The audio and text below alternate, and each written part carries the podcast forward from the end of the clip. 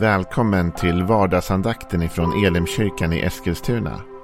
Det här är en podcast som kommer ut måndagar till fredagar. Om du vill veta mer om vilka vi är, vad vi tror på, hur du kan komma i kontakt med oss eller vad vi kan erbjuda dig för någonting så gå in på www.elimkyrkan.com. Du får jättegärna gå in och likea vår Facebook-sida. Det är facebook.com elimeskilstuna.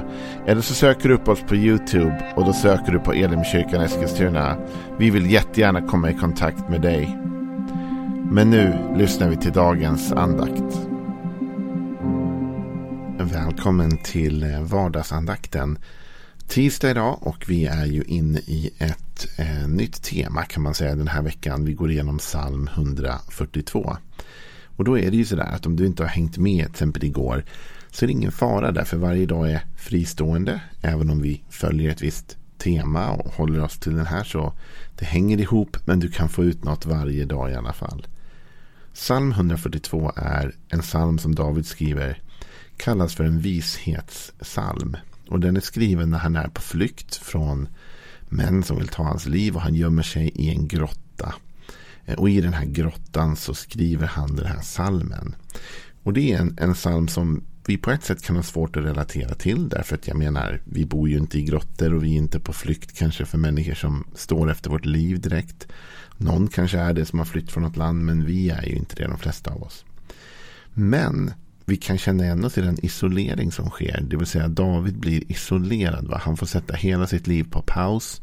Han kan inte göra det han brukar göra. Han är inte längre fri att leva som han vill. Och han kan inte liksom. Hans, hela hans liv stannar upp. Va? Och han måste stanna i den här grottan. Och den formen av isolering kan vi ju måhända känna igen oss i den här tiden. Då den här pandemin har gjort att så många av oss har fått stanna upp eh, från saker som vi höll på med.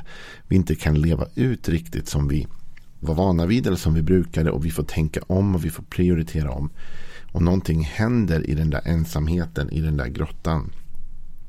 Och det tänkte jag vi skulle titta lite närmare på idag. Så vi läser psalm 142 tillsammans. Bön i ensamhet och nöd. En vishetssalm av David en bön när han var i grottan.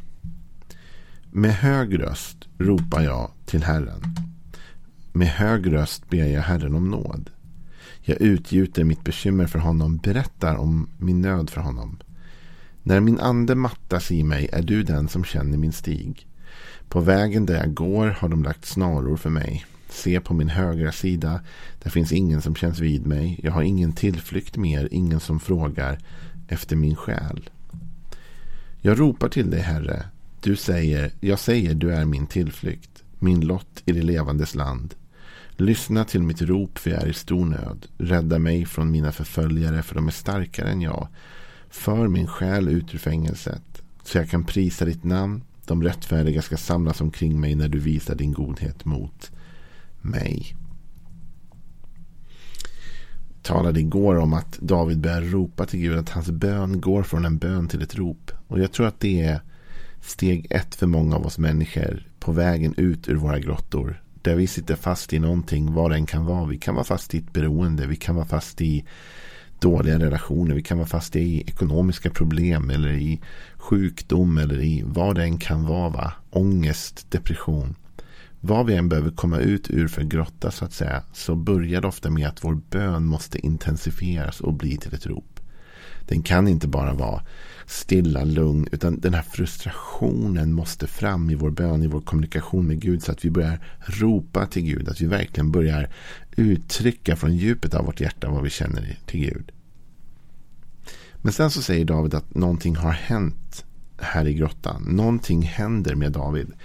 Och Det här tror jag är det intressanta. Det kommer säkert skrivas avhandlingar och rapporter om, om vad som hände med människan egentligen under covid-åren. Vad hände med människan när vi hamnade i isolering och hur, vad, vad gjorde det med oss? Och vi ser redan tyvärr en del väldigt, väldigt negativa resultat av det här. Vi ser till exempel att våld i hem har ökat och många sådana saker som folk dricker mer, andra saker som blir problem därför att vi är isolerade och mår dåligt. Våldet i hemmet, drickandet, allt det där är ju i sig symptomen på något djupare problem. Va? Det är symptomen på att någonting inte är rätt. Och David, han förklarar här vad som händer med honom i grottan. Och han säger så här i vers 4. När min ande mattas i mig är du den som känner min stig. När min ande mattas i mig. Så här talar David om att det inte bara är hans kropp som är trött va? från att han har varit på flykt eller för att han sitter i den där obekväma grottan. Va? Och, och, det är inte heller bara hans själsliv, det är inte bara hans tankar, det är inte bara att han blir lite deppig där och lite nedstämd, utan han menar att den här isoleringen går så djupt i honom att det påverkar hans ande. När min ande mattas i mig, han blir trött. Och det är ju märkligt va egentligen. Man kan ju tycka att det är någon sorts paradox. va. Att han är i en grotta och kan inte göra någonting. Och på något sätt tänker man då borde väl han ha mycket energi. Därför att han förbrukar ingen energi direkt. va. Han sitter bara där i grottan. Men David säger inte här att det är hans kropp som är trött. Han säger inte att han är fysiskt trött. Eller fysiskt mattad. Utan han säger när min ande mattas i mig. Jag tror vi kommer se efter den här pandemin att, och ser redan nu att det är väldigt, väldigt många människor som har blivit mattade. Inte bara i sin kropp eller i det fysiska. Va? Eller i sin tanke. Utan framförallt i själen, va? i anden. Djupt inom oss i det andliga. Finns det någonting som inte mår bra. För vi är skapade att leva med andra. Det här går ju egentligen tillbaks ända till skapelseberättelsen. När Gud skapar Adam och han är i Edens trädgård. Och faktum är att han är ju på ett sätt inte isolerad. Va? Han är inte isolerad från, från världen. Därför det finns inget som håller honom inlåst egentligen. Men han är isolerad därför det finns ingen annan människa. Va? Så han är isolerad från mänsklig kontakt. Han har djuren som han kan, kan vara med och annat. Men han har ingen annan människa att umgås med. Och han mår inte bra av det. Det står faktiskt i Bibeln att Gud såg att det var inte bra för mannen att vara ensam. Och det handlar inte om mannen i meningen eh, liksom maskulint va? utan det handlar om människan. Va? Det är inte gott för människan att vara ensam. Man eller kvinna, ung eller gammal. Ingen av oss mår bra av isolering från andra människor. Och därför så mår många dåligt nu. Vår ande mattas. Va? Det finns någonting på djupet i oss som inte mår bra av det som vi går igenom just nu. Det blir ett mattande av vårt inre liv. Eh, och då när det händer så tappar vi ibland perspektiva. Vi kan tappa hoppet. Tappa riktningen. För det är det David säger. När min ande mattas i mig, säger David. Okej, okay, vad händer då? Jo, då säger han så här. Är du den som känner min stig? Med andra ord, när jag blir sådär trött i anden, va? när jag blir sådär trött på insidan, in, inuti, så orkar jag inte längre se ut min väg. Va? Jag orkar inte hoppas på framtiden, jag orkar inte tro, jag, jag har ingen framtidsvision. Jag tror väldigt många människor nu lever i, det, i, den, i den problematiken. Va? Att de är, deras ande börjar mattas och det innebär att man tappar hoppet om framtiden. Man sitter i sin grotta och man ser ingen ljusning, man ser ingen väg. Men vad tryggt det är då att som David kunna säga att Gud, när min ande mattas, när mitt inre inte orkar bära längre, då Gud är du den som känner min stig. Med andra ord, du har fortfarande en plan för mig och du vet fortfarande vad vägen fram är och du har inte gett upp min framtid. Det finns fortfarande ett hopp. Jeremia 29.11 säger att Gud säger att jag vet väl vilka tankar jag har för er. Välgång, inte olycka, för att ge er en framtid och ett hopp. Så Gud vet vad han vill med vårt liv. Han vill välgång med vårt liv. Om någon säger så här, jag vet inte vad Gud vill. Jo, han vill välgång med ditt liv. För Jeremia 29 och 11 säger det. Han vill välgång, inte olycka. Han vill ge dig en framtid och ett hopp.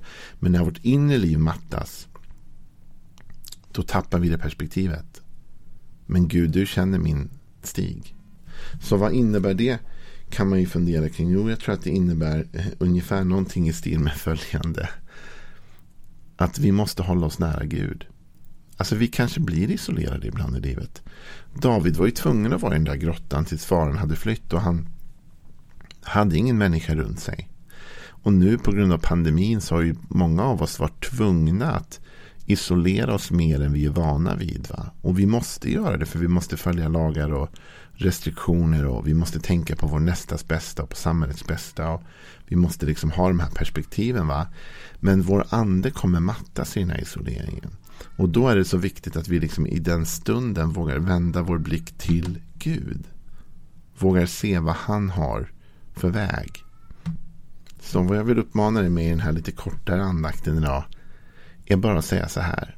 Jag förstår att du säkert är trött nu av den här pandemin. Jag förstår att du säkert känner dig hopplöst liksom ensam och du börjar känna att ditt inre liv sakta men säkert dör ut. Att man mattas, man blir trött i sitt inre. Och du kanske inte själv förstår varför. Du tänker jag har inget att vara trött för egentligen. Jag gör inte av med så mycket energi eller vad som helst. Men din ande mattas därför att du är isolerad. Och du kanske börjar tappa tron på din egen väg framåt på framtiden. Till dig vill jag säga följande. Ge inte upp. Gud känner din stig. Gud har fortfarande blicken på din väg. Även om du har tappat perspektivet, tappat blicken. Glöm aldrig att Gud vet precis vart du ska och när du ska. Och Gud vet exakt hur han ska få dig dit. Så vila i förtröstan idag på att Gud känner din stig även när du blir trött och tappar perspektivet. Låt det bli din bön till Gud idag. Tack Gud för att du känner och ser min väg idag.